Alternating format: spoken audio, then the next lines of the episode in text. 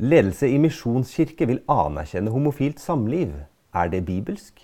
Evangelisten Franklin Graham er tilkjent 1 million kroner i erstatning for arrangement ulovlig avbrutt av LHBT-aktivister. Kraftige menstruasjonsblødninger er bivirkninger av koronasprøyter. Og nye avsløringer viser at Big Tech jobber tett med amerikanske myndigheter for å stoppe falske nyheter. Jeg er Simon Friis Larsen. Dette er Friis Larsen-showet.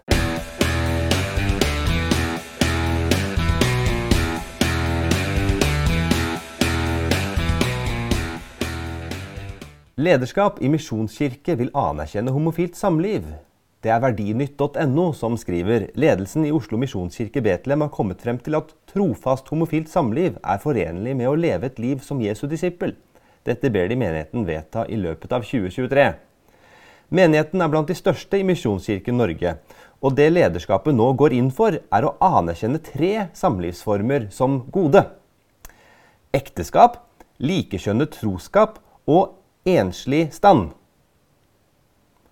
Ok, Så, så ekteskap det er én form. Likekjønnet troskap, som da tydeligvis ikke er ekteskap, det er da en annen form. Og ensidig stand er en tredje form. Så um, samboerskap er jo da heldigvis ikke godkjent, da.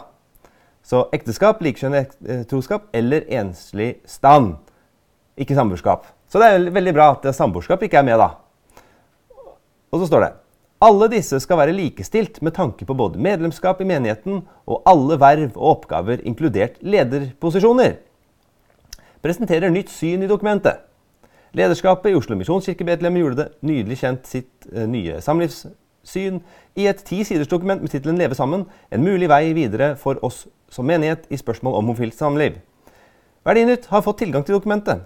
Etter det Verdinytt erfarer, ble det sendt ut til medlemmene 10.10. I forkant av et uh, samtalemøte dagen etter. Dette møtet skal ha vært et tredje i rekken av samlivsetikk, sto på agendaen da menigheten skal ha tatt, uh, hatt gående en prosess om sitt ståsted det siste året. Ja ja, det er alltid sånn når man skal dytte inn noe som Bibelen sier ikke skal gjøres, at man da må selvfølgelig ha noen samtaler og en prosess rundt dette her. vet du, og Man kaller det gjerne samtalemøter og en rekke møter osv. For det er bare sånn man kan si at ja, dette har vi snakket nøye gjennom, og vi har hatt flere møter om dette her, så, så, så da er det plutselig greit. Da, da, skal vi få det inn. Bare vi har sånn møter om det. Mm -hmm.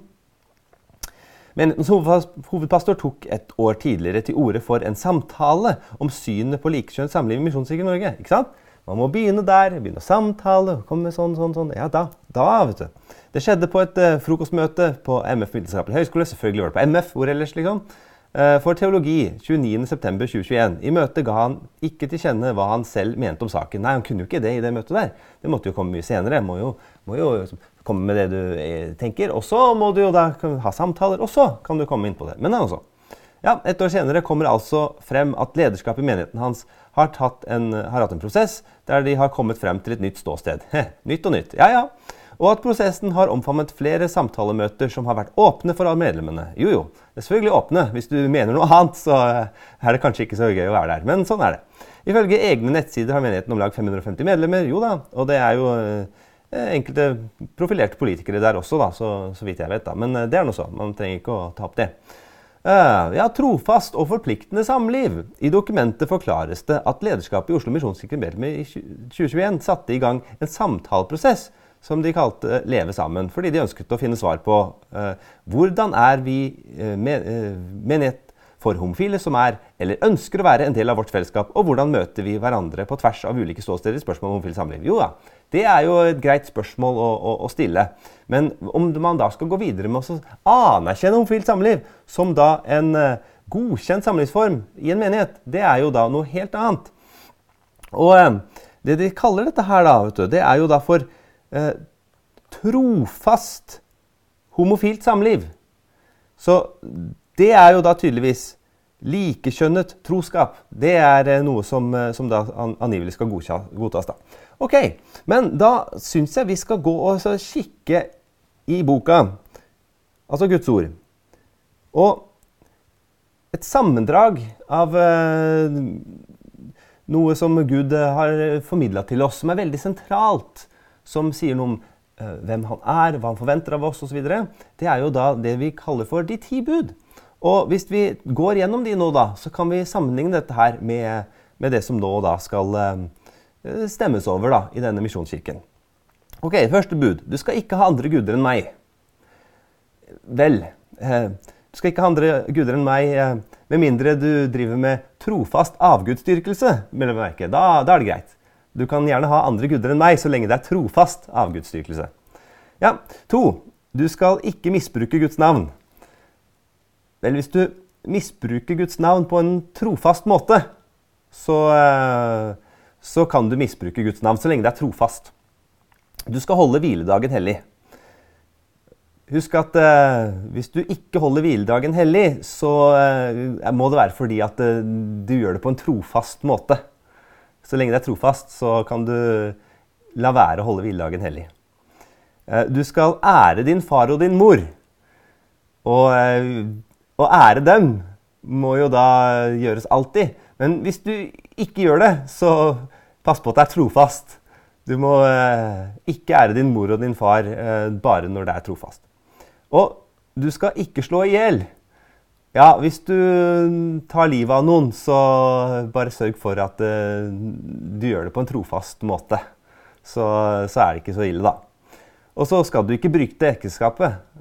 Og selvfølgelig, hvis du da lever i et trofast uh, forhold som bryter ekteskap, da, da, er det jo greit, da. Det er ikke så farlig. Om det er samboerskap eller homofilt samliv, eller om du driver hor, eller hva nå enn er, som Jesus også sier. Uh, nei, bare du ikke gjør det Vel, du kan gjøre det, forresten. Bare, bare det er trofast. Da, da, du, da kan du bryte ekteskapet. Eh, og du skal ikke stjele. Men hvis du nasker litt på en trofast måte, da er det greit. Og du skal ikke tale usant om de neste. Du kan jo lyve hvis du er trofast. Og du skal ikke begjære de nestes eiendom. Altså, det er jo de nestes eiendom, da. Og du er jo gjerne trofast mot de neste, så å begjære eiendommen hans litt, så lenge det er trofast, det må jo da være greit. Og du skal ikke begjære de nestes ektefelle eller hans arbeidsfolk eller andre som hører til hos de neste. Med mindre du begjærer din uh, nestes ektefelle eller hans arbeidsfolk eller andre som hører til uh, hos uh, de neste, da, på en trofast måte, da.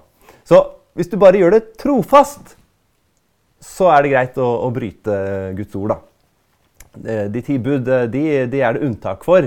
Eh, det er bare å putte inn ordet 'trofast', så, så, så er det greit. Så der, eh, der, har vi det, altså. Eh, lederskapet i Misjonskirken Betlehem da, vil innføre at det er greit å ha homofilt samliv. Og sånn sett delta i lederskap i menigheten osv. med det syn på samlivet. Eh, så lenge det er trofast. Og det bryter da tydeligvis ikke med Guds ord, da, ifølge disse. Men eh, vel, jeg har nå lett for å lese det som Guds ord sier på, på, noe av det mest sentrale ved dette. Man blir ikke frelst ved lov, vet du. Man blir frelst av nåde. Men um, nåden, den skal man heller ikke synde på. Det er jo sånn at Når vi har fått nåde, så skal vi også helliggjøres og ønske å leve etter Guds vilje med Den hellige ånd som vi har fått. Det er det som er å være trofast mot Herren.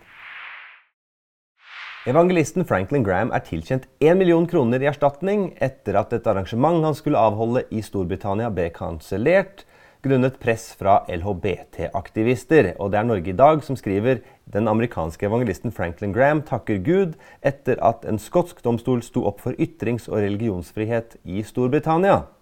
En skotsk domstol mener Franklin Graham og Billy Graham Evangelistic Association ble diskriminert etter at arrangøren kansellerte bookingen pga. massivt press fra LHBT-miljøet i landet.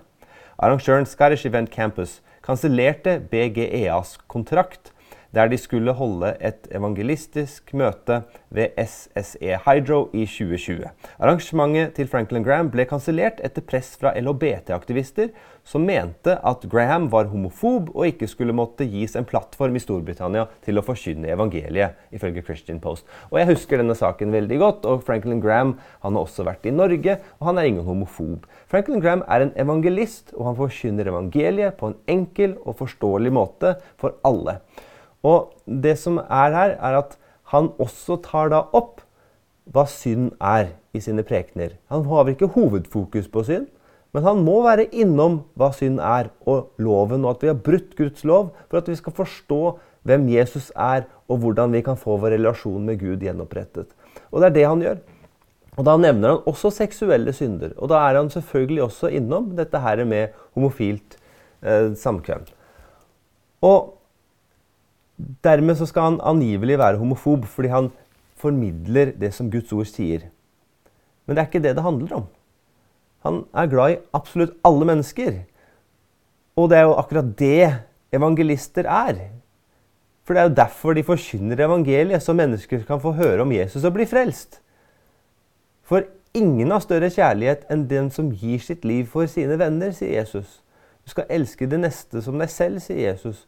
Og budskapet som evangelisten har fått, det er jo da formidle hvem Jesus er.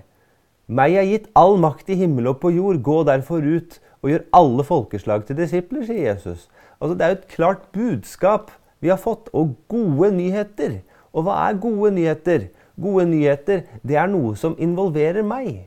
Ja, Man kan godt høre om noe som skjer et eller annet sted i verden, og det kan høres ut som en god nyhet. Men en god nyhet er når det faktisk berører meg, når det har med meg å gjøre. Og det er jo det Franklin Graham gjør når han forkynner evangeliet for mennesker. Det er at de får høre evangeliet på en måte som berører dem. Og det er det største av alt man kan gjøre. Det er det beste budskapet man kan høre. Og så får det jo være opp til den enkelte, ut fra hvor Gud, hvorvidt Gud kaller på ens liv og gir en tros gave. Om man tar imot Jesus til frelse eller ikke, og gir sitt liv til han og følger han med livet sitt. Altså de som ønsker å undertrykke sannheten i urettferdighet. Ja, de gjør det. Men så skal de forhindre mennesker som ønsker å høre sannheten, fra å få den. Ønsker å forhindre evangeliet å nå ut? Nei. Evangeliet skal nå ut, det. Og Det er derfor det er så bra med sånne saker som dette her. For tross da motstanden og disse her arrangørene da, som ga etter for det der presset, så viser det seg i ettertid at det var ulovlig. Og nå tilkjennes Billy Graham Association og Franklin Graham her da altså én million kroner i erstatning. Og det er ikke det at pengene har så mye å si, men det er veldig viktig å se at evangeliet ikke skal lukkes for, og at det ikke var riktig å stenge ned. Og jeg håper det skaper en presedens Sånn at evangelister kan og skal fortsette å tale fritt og åpent. Og evangelister kommer alltid til å tale.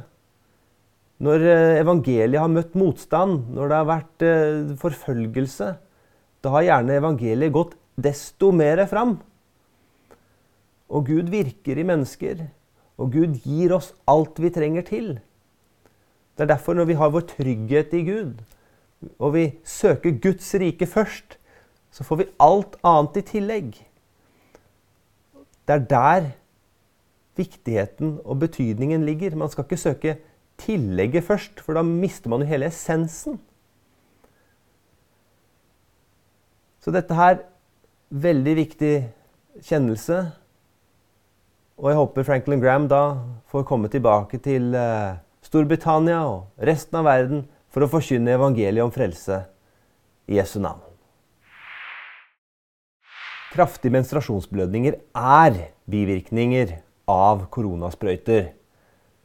Hvis du husker eh, tilbake til eh, sommeren 21, så begynte vi å høre noen meldinger om forandringer i menstruasjonssyklus hos kvinner. og Det blei meldt inn bivirkninger osv. Men nei, det var jo selvfølgelig ikke noe å bekymre seg for. Og eh, her, da, fra eh, Dagens Medisin, da, 25.6.2021, så står det ingenting tilsier at menstruasjonsforstyrrelse har sammenheng med koronasprøyten. Statens legemiddelverk har fått rundt 50 bivirkningsmeldinger om ulike typer menstruasjonsforstyrrelser. Legemiddelverket har fått flere bivirkningsmeldinger fra pasienter om menstruasjonssykluser. de har nå behandlet i overkant av 50 meldinger. Meldingene handler ikke om samme type menstruasjonsforstyrrelser, men ulike plager som kraftig menstruasjon og endret mønster med for sen eller for tidlig menstruasjon. Meldingene klassifiseres som ikke alvorlige. Men vi følger med på slike meldinger fremover. Menstruasjonsforstyrrelser er svært vanlig. Når mange kvinner er sprøytet, så vil de derfor oppleve forstyrrelser i tidsmessig relasjon til sprøyter, uttaler av eh, fagmedisinsk direktør i Legemiddelverket. Det er ingenting som tilsier at dette har sammenheng med sprøyten, men vi følger med. Menstruasjonsforstyrrelser er svært vanlig, og det kan være mange årsaker til at det oppstår. Det er viktig at kvinner oppsøker lege ved vedvarende eller bekymringsfulle symptomer, slik at eventuelle andre årsaker til endret menstruasjonsmønster oppdages. Det er ikke holdepunkter for at noen av koronasprøytene påvirker kvinners fruktbarhet, viser han til. Ja vel. Og så hopp nå da fram til 28.10.2022. NRK med en liten notis Kraftige menstruasjonsblødninger er bivirkninger av koronasprøyter. Kraftige menstruasjonsblødninger føres opp som bivirkninger av koronasprøyter, melder Statens legemiddelverk. Europeiske legemiddelmyndigheter, EMA, har konkludert at kraftige menstruasjonsblødninger etter koronasprøyter skal omtales som en bivirkning etter produktinformasjon til mRNA-sprøytene, øh, skriver Legemiddelverket i pressemelding. EMA mener at det ikke er noen bevis for at dette påvirker kvinners fruktbarhet. Ja, det sier de vel, får vi, får vi se, da. Meldingsordningen til bivirkningsregisteret er et viktig verktøy i overvåkningen av sprøyter i Norge. Meldingene fra helsepersonell og befolkningen gir signaler om at det er hendelser som bør undersøkes nærmere. I meldingene om menstruasjonsforstyrrelser er det en stor overvekt av pasientmeldinger. Til nå har vi behandlet nærmere 13 000 meldinger.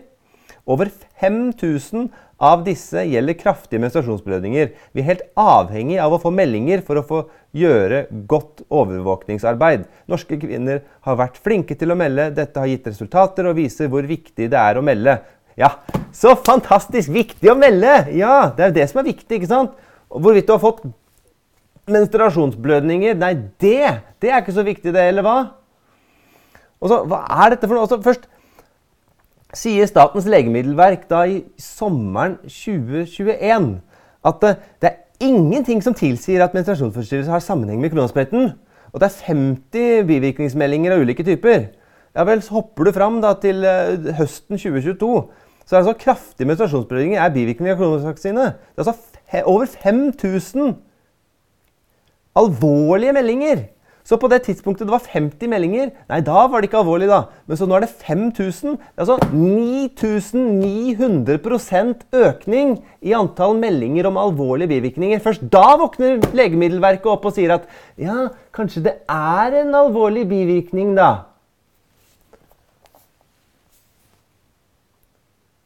Altså, da du nevnte dette her på et tidlig stadium, sånn, kvinner som sto fram, nei, da var det anekdotiske bevis, da. Nei, det har da ingenting å si. Her sier jo Statens legemiddelverk da. Det er ingenting som tilsier at dette har sammenheng med sprøytene å gjøre. Men vi følger med. Ja vel, så har vi fulgt med da i ett og et halvt år. 5000 meldinger, 9900% økning. 100 ganger flere kvinner. Og dette her gjelder da eh, de meldte. Tenk deg alle de ikke-meldte. Det er bare 1 eller 10% eller hva det er som melder inn. Ja, vi er helt avhengig av meldinger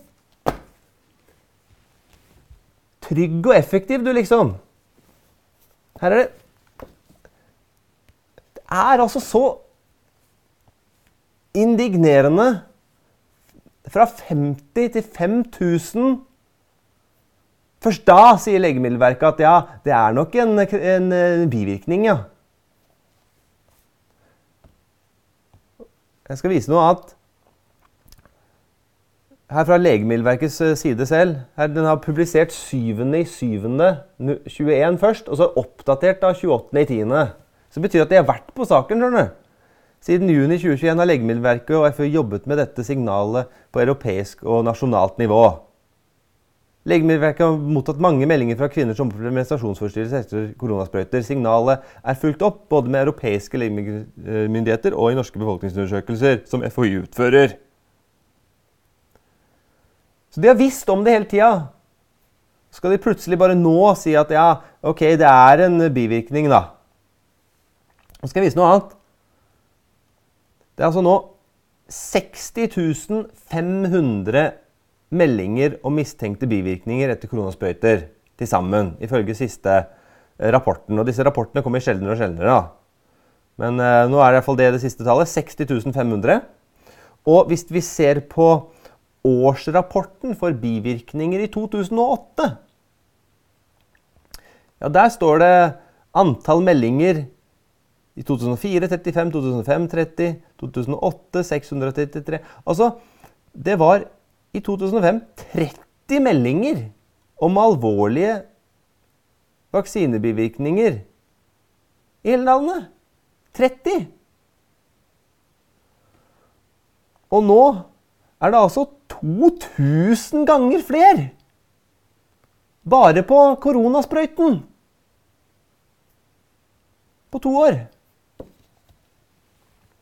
Og ja, du kan si ja, men det er så mange flere nå vet du, som har tatt sprøyter, så vi, da må vi jo regne med flere bivirkninger. Nei. Dette her skulle være trygt og effektivt, det. Det er ikke trygt og effektivt for de 60 500. Det er ikke trygt og effektivt for de 5000 kvinnene som da har alvorlige blødninger. Og jeg har fått meldinger og vitnesbyrd jeg kan fortelle om.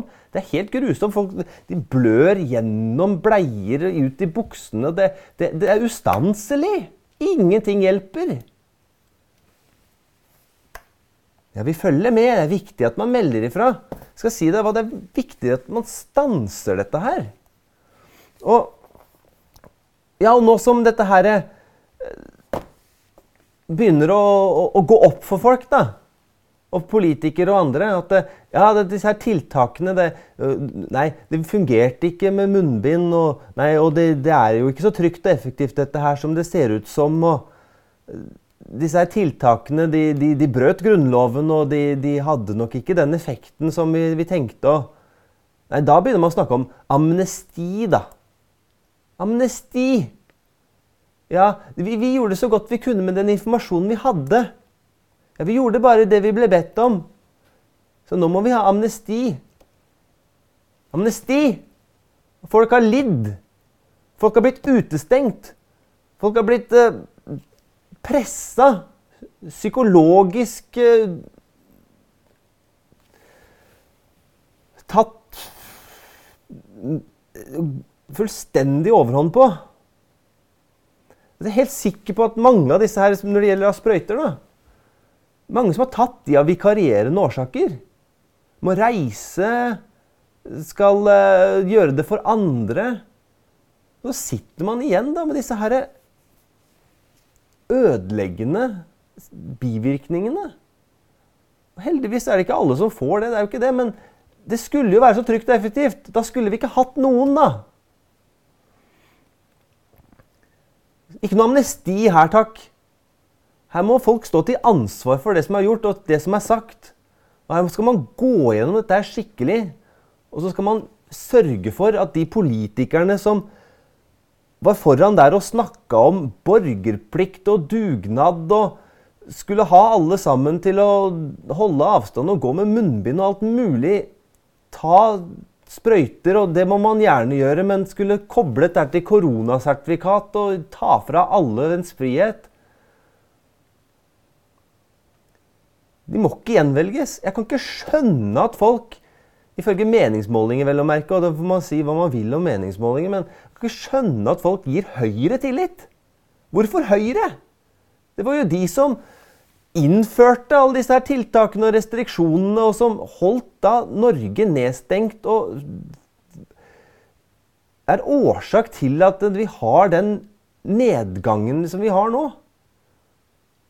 Og så skal man da gi dem tillit igjen? I alle dager, da?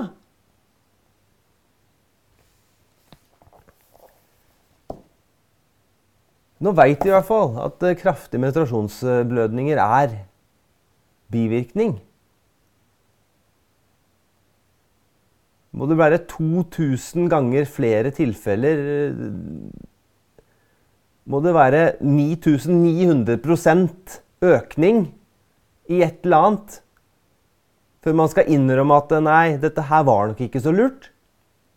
Det var i hvert fall det for menstruasjonssyklusene og de forstyrrelsene der.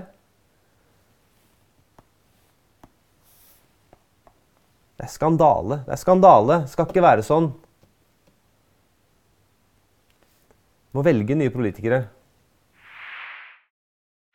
Ny avsløring viser at Big Tech jobber tett med amerikanske myndigheter for å stoppe falske nyheter. Og det er i-nyheter som her melder at hundrevis av lekkede interne dokumenter avslører hvordan amerikanske myndigheter har jobbet tett med sosiale medieselskaper som Facebook og Twitter for å sensurere. Dette har skjedd under dekke av å bekjempe desinformasjon. Dette er The Intercept som har avslørt forholdene. Det er spesielt FBI og Department of Homeland Security Innenriksdepartementet som har hatt den direkte kontakten med særlig Facebook og Twitter, som tok instruksjoner fra myndighetene. Du kan ikke finne opp dette her lenger. vet du. Dette, dette var jo liksom konspi, det. Og så viser det seg jo bare at det, det er jo lekkede dokumenter. Det, det er så sant, vet du. Så, så, så, budskap kommer jo ikke ut. Fordi at myndighetene kontrollerer da over big tech, som igjen sørger for at informasjon ikke når ut. Altså, I Norge ble det jo kalt antistatlig. Hva er det for noe? Det er jo egentlig antifolkelig, det. Altså, de som de som, er, de som sier de, de, fra myndigheter som sier det er antistatlig. Når man sier det, så er jo det egentlig å forhindre det folkelige å komme fram. Så det er jo sånn sett antifolkelig. Å forhindre informasjon i å komme ut og nå ut. Altså Hvis informasjon er feil, så må man jo kunne håndtere feilinformasjonen. Man må kunne kildehenvise, og man må kunne argumentere. Når man går inn og stopper det, så viser det jo det bare at det er en politisk agenda som hindrer nyheter å komme fram. En av de tingene som ikke da kom fram, var f.eks. den her laptopen til denne, han der sønnen til presidenten i USA. Han hadde jo en laptop med alt mulig søppel på, for å si det sånn. Og det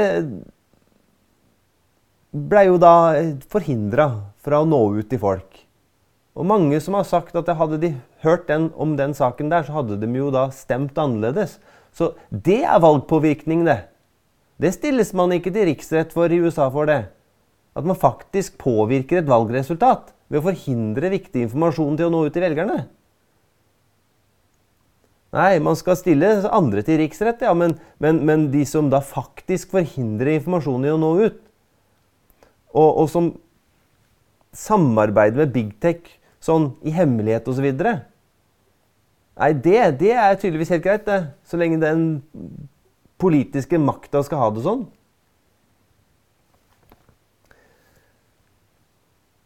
Vi er fullt avhengig av informasjon og riktig informasjon. Og hvis den informasjonen vi får, er feil, og den informasjonen vi ikke får, er riktig, så er det jo noe helt riv ruskende gærent. Og så skal man da kalle de som da deler informasjon, for konspi bare fordi de ikke deler det i et hovedstrømsmedium. Som om hovedstrømsmedium er en slags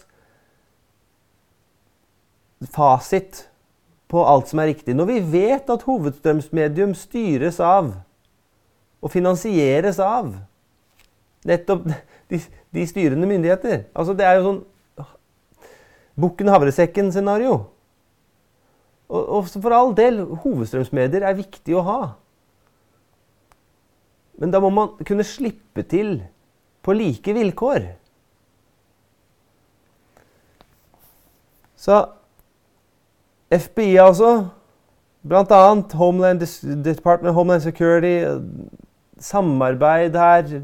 Aktivt jobbe med Facebook, Twitter og andre om å sensurere innhold. Plutselig blir bare innhold borte, sletta, blokkert. Kommer ikke gjennom. Og det er sånn Det er alternativ virkelighet. Det, det er alternativ fakta, det. Og det slipper ikke Nå, nå vi må til i-nyheter for å finne det. Vi får ikke det i hovedstrømsmedia, disse nyhetene. Til slutt så avslutter jeg med noe bibelsk, noe teologisk eller apologetisk. Og eh, denne gangen så tar jeg opp eh, noen meldinger som eh, jeg leste eh, som eh, en jeg kommuniserer med, skrev. Og jeg skal ikke offentliggjøre hvem dette er, men eh, jeg skal lese meldingen fordi at jeg syns det var gode tanker, og jeg vil dele det på Frisasjshowet. Og det står hadde en indre dialog på morgenkvisten. Og da jeg følte Gud lot en tanke komme til meg. Den er enkel. I kampen vi står i, trenger vi både de nidkjære, som Paulus, og de barmhjertige, som Barnabas. Uten nidkjærheten til Paulus blir ikke sannheten forkynt like vidt og bredt. Nye testamentet blir ikke skrevet, og mange seire blir ikke vunnet, siden slagene ikke engang finner sted. Men uten barmhjertigheten til Barnabas finnes ikke engang Paulus som en sentral del av menigheten. Uten Barnabas er det ingen John Mark som Paulus ti år senere ber om å få tilsendt for å hjelpe seg. Vi står i en kamp, brødre, ikke mot kjøtt og blod, men makter og myndigheter. I denne kampen må vi både være nidkjære Paulus-style, men også barmhjertige Barnabas-style, for å kjempe balansert på en måte som både står oppreist for sannheten, og som raust tar seg av de som trenger hjelp, slik at man ikke kastes vekk, slik både Paulus og John Mark, hvis Paulus hadde fått det som han ville, hadde opplevd hvis ikke Barnabas hadde vært den Guds mann han var. Barmhjertigheten Barnabas utviste, var også nidkjærhet. Han var nidkjær på vegne av Paulus sitt potensial. Han var nidkjær på vegne av John Mark sitt potensial.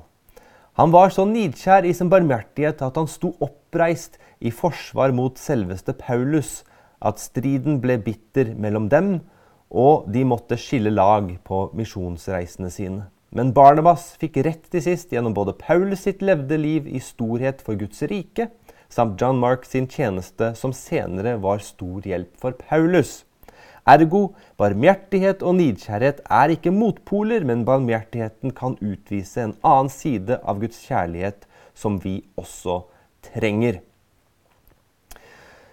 Så vi trenger både nidkjærheten og barmhjertigheten, eksemplifisert her ved Paulus og Barnabas. Og vi har ikke en kamp mot kjøtt og blod, men mot makter og myndigheter og de krefter som er i himmelrommet. Og vi må kjempe den kampen. Vi må kjempe den med nidkjærhet. Vi må kjempe den med barmhjertighet. Og det gjør vi i politikken. Det gjør vi gjennom jobben vi gjør.